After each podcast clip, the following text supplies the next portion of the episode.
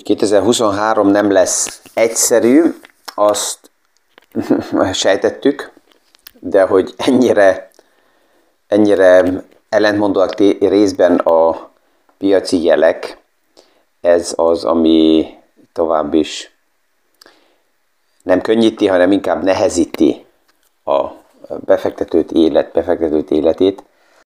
Mi is aktuális pénzpiaci témákról, összefüggésekről beszélgetünk. Gazdaságról érthetően János Zsoltal. Üdvözlünk mindenkit a mai PFS Kávézac podcaston. Azt tudjuk, hogy mire nézzünk. Tegnap előtt Németországban megjelentek olyan számok, ami azt mutatja, hogy az infláció csökken vissza. Spanyolországban megjelentek számok, ami az infláció csökkenését jelzik. Franciaországban csökkennek az árak, a, az olajára csökken, a gázára csökken, legalábbis a nemzetközi piacokon, amíg ez megérkezik a, a, vásárlókhoz, az egy ideig még eltart.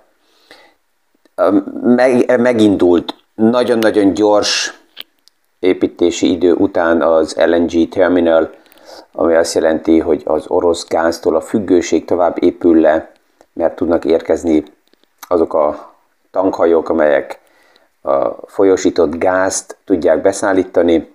Oké, okay, persze igaz, a háttérben lehetne vitatni arról, hogy az, az fracking eh, technológián keresztül van előállítva, de az első, ami fontos leépíteni a függőséget az orosz eh, energiaellátástól.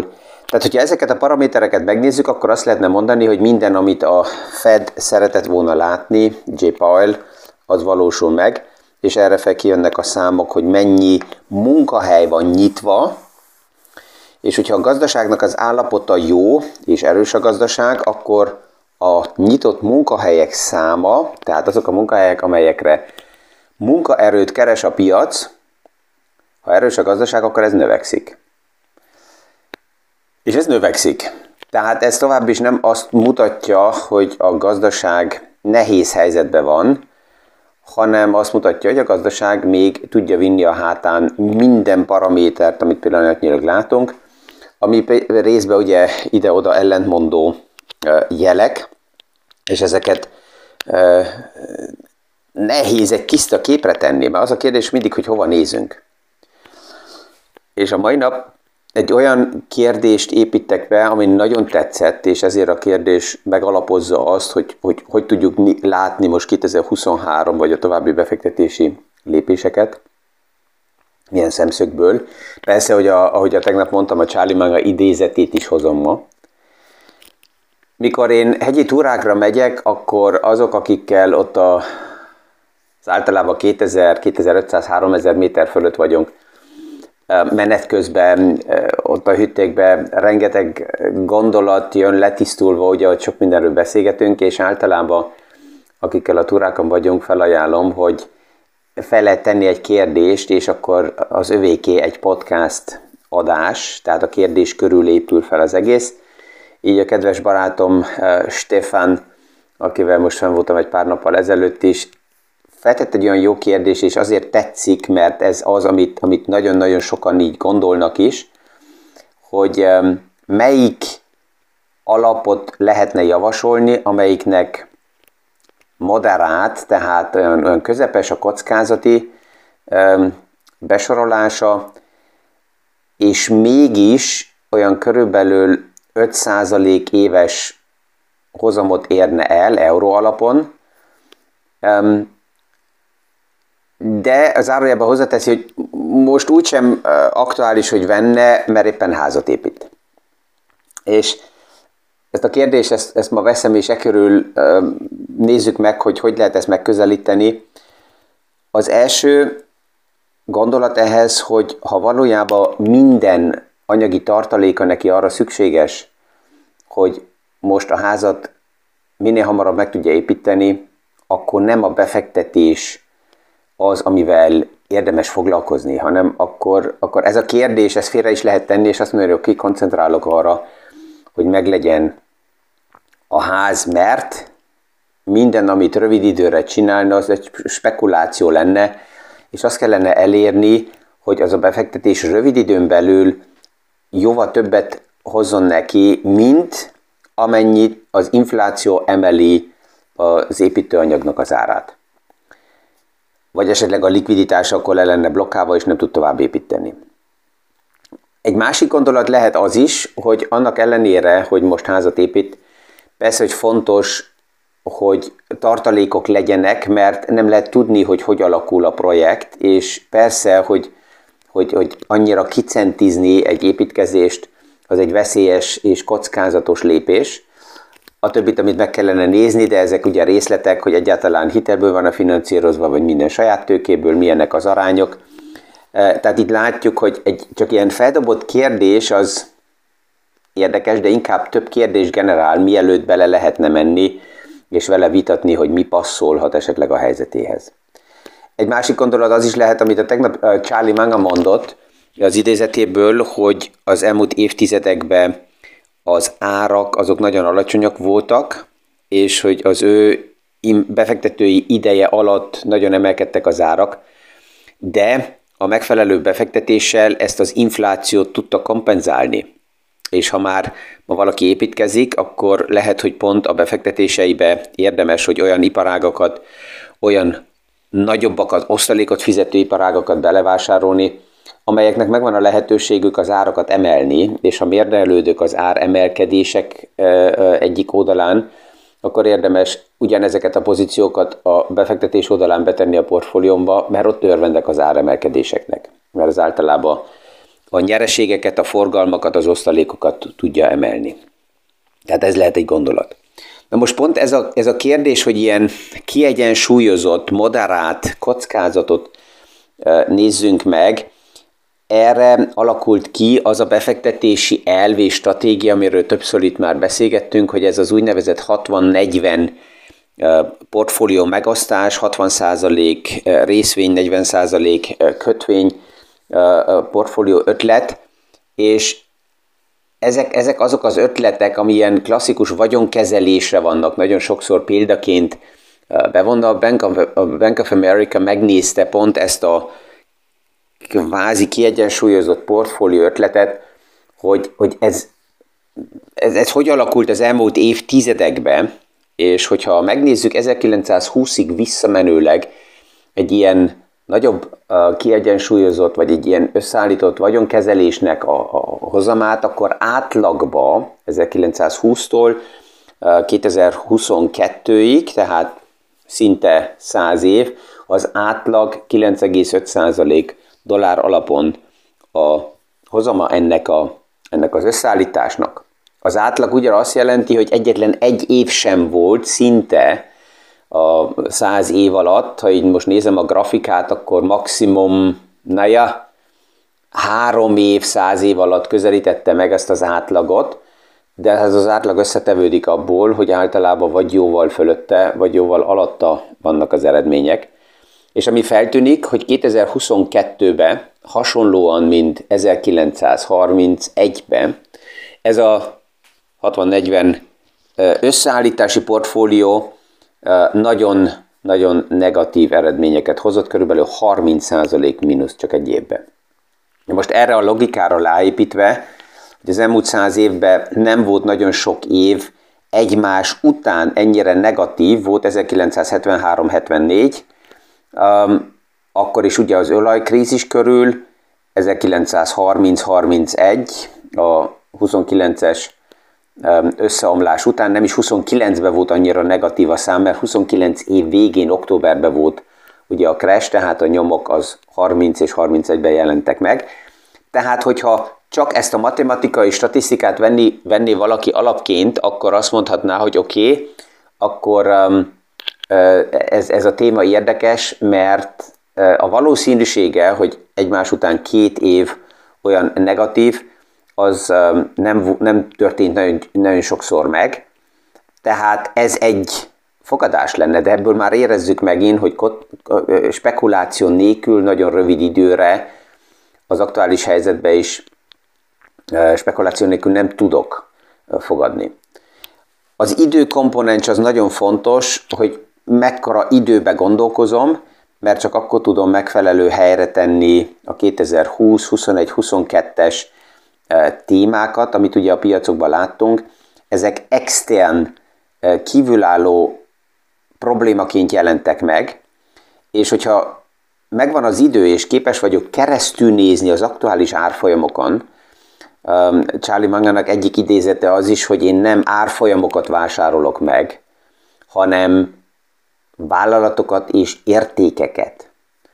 És ez, ez nagyon nehéz kezelni olyan befektetőnek, aki azt nézi napi szinten, hogy ma befektettem, és hónap már emelkedik-e az árfolyama annak a befektetésnek, amit megvásároltam, mert az árfolyamokat azok, azokat általában rövid időre nem a belső értéke a vállalatoknak mozgatja, hanem az árfolyamokat az aktuális események, a hírek mozgatják, és nagyon sok esetben az aktuális árfolyamoknak kevés köze van a belső értékekre. És ez, ez, ez ugye először, mint befektető, egy döntő kérdés, hogy megvan-e az a nyugalma, megvan-e az az időm. Tehát vissza Stefánnak a kérdéséhez megint, hogyha rövid időre gondolkozom, és összehasonlítom azt, hogy akkor a befektetés most jobb lett volna, hogy építőanyagot vásároltam volna, vagy befektetem, hogyha ezt a kettőt így összemérem, akkor ez egy spekulatív megközelítés, így hogyha gyenge az ideg rendszerem, akkor ebben nem érdemes belemenni.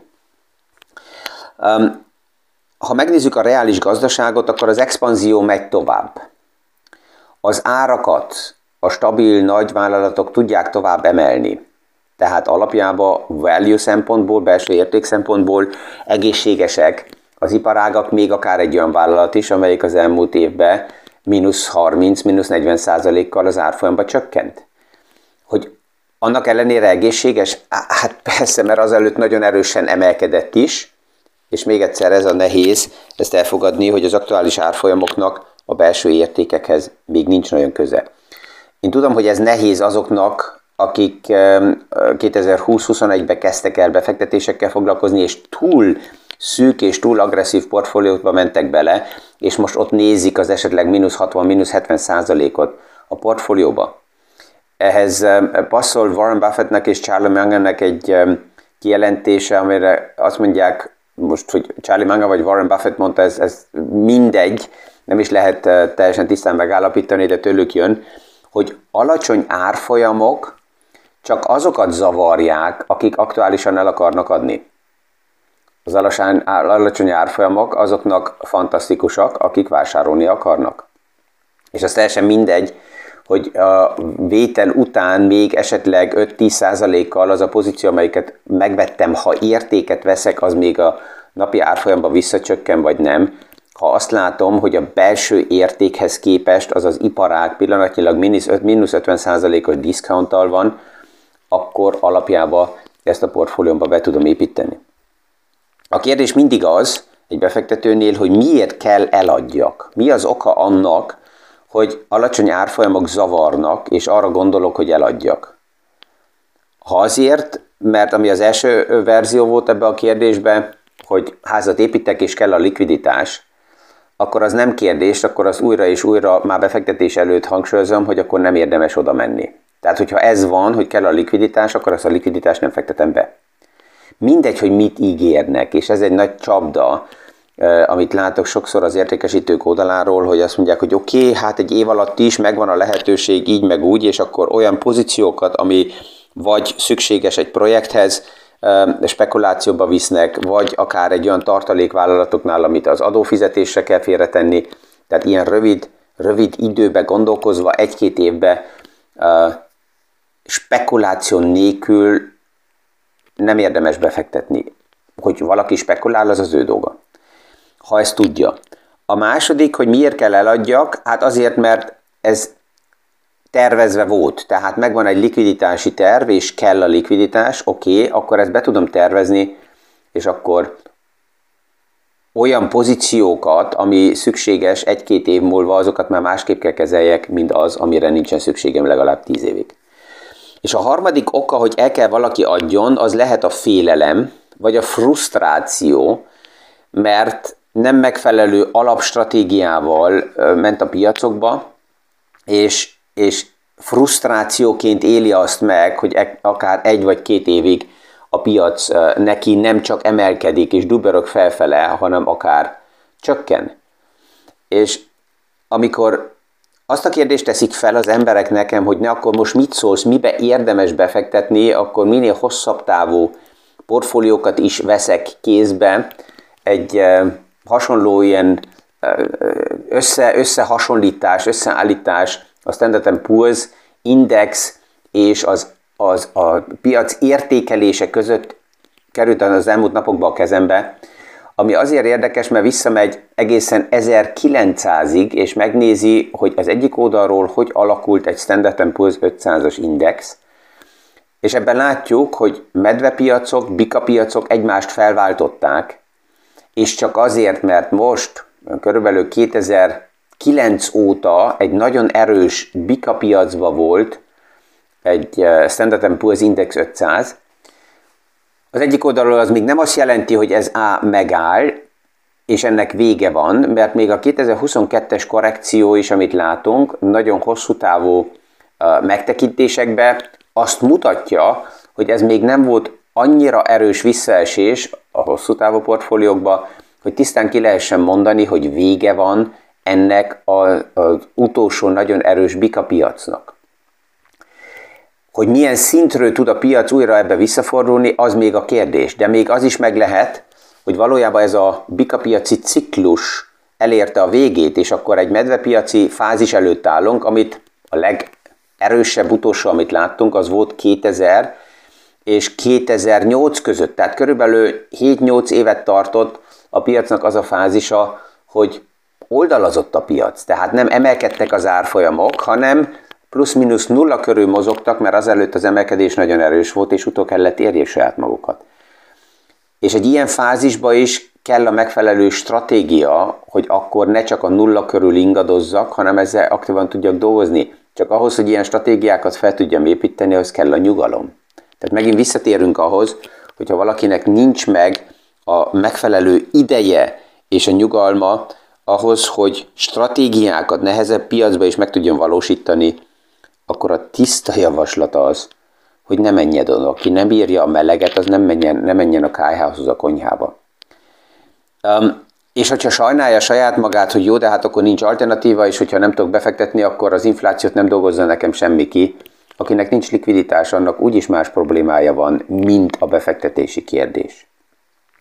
A piacokban, hogy tehát, hogyha megnézzük, akkor a value, a valódi értékek azok további stabilak és ezért osztalékot fizető alapok, olyan vállalatokból összeállított vagyonkezelések vagy befektetési alapok, amelyek nincsenek eladósodva, azoknak az aktuális pénzpiaci politikája a központi bankoknak nem lényeges, mivel hogyha a kamatok emelkednek, és nekik nincs hitelük, ez nem fogja őket zavarni. Maximum az ügyfeleknél, hogyha olyan termékeket gyártanak, amelyeket az ügyfelek esetleg hiteleken vagy leasingen keresztül veszik meg, akkor ott az a magasabb kamat a vásárló erőt visszafogja, de ott is fontos megnézni, hogy mennyire erős annak a márkanévnek, annak a vállalatnak az ereje, és mennyire tudja emelni az árakat.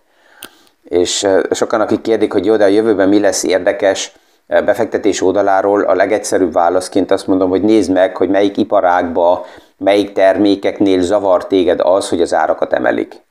És nézd meg, hogy ezek az iparágak benne vannak a portfóliódban. Mert az, aki árakat emelni tud, annak megvan az a pozíciója a piacba, kevés a konkurencia, hogy az árakat tudja emelni, és hogyha emeli az árakat, akkor nem biztos, hogy a költségei neki emelkedtek, de ezen keresztül nőnek a nyereségek, és hogyha egy ilyen pozíció benne van a portfóliómban, akkor már nem sír mind a két szemem, hogyha az árak mennek felfele, az egyik legalább már mosolyog.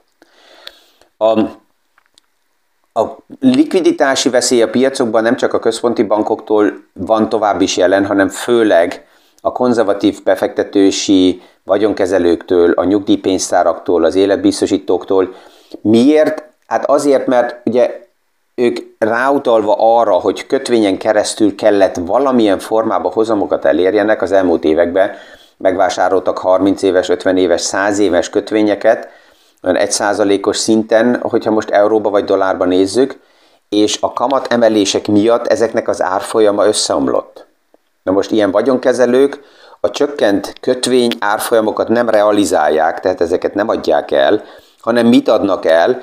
azt a részét a, por, a portfóliókma, ami nem is nagy, lehet, hogy 5-10% maximum, amelyik a részvénypiacban van benne, azokat hamarabb eladják, mint a kötvényeket, mert a kötvényeket kvázi kiülik, és azt mondják, hogy oké, okay, nekünk mindegy, hogy az árfolyam alacsony, jön egy minimális kamat, és ha valamit el kell adni, akkor részvényt adunk el. És ezzel, hogy eladnak, ezzel növelik a nyomást az árfolyamokra, hogy akár egészséges vállalatoknak az árfolyama is csökkennek, és egy nehéz év után, hogyha nehezen megy tovább a következő év, akkor általában nem az erősebben szenvedő cégeket adják el a nagy portfóliókezelők, hanem azokat, ahol kevesebb veszteséget realizálnak. Tehát a tavalyi évnek a nyertesei ezért akár ebbe az évbe nagyobb nyomás alá tudnak kerülni, hogyha megy tovább a piacnak az eróziója és a nehéz helyzete. Um, és ezzel még itt lehet tovább menni, lehet, hogy még hónap folytatom, de remélem, hogy így uh, Stefannak a kérdésére egy pár uh, gondolat hasznosan sikerült, hogy beépüljön, és um, ja, hónap reggel minden esetre ezt még gondolatmenetbe tovább, fogom tovább folytatni. Ezzel ma is kívánok mindenkinek kellemes napot, és a viszonhallásra a hónap reggeli PFS Kávézatsz podcastig. Thank you.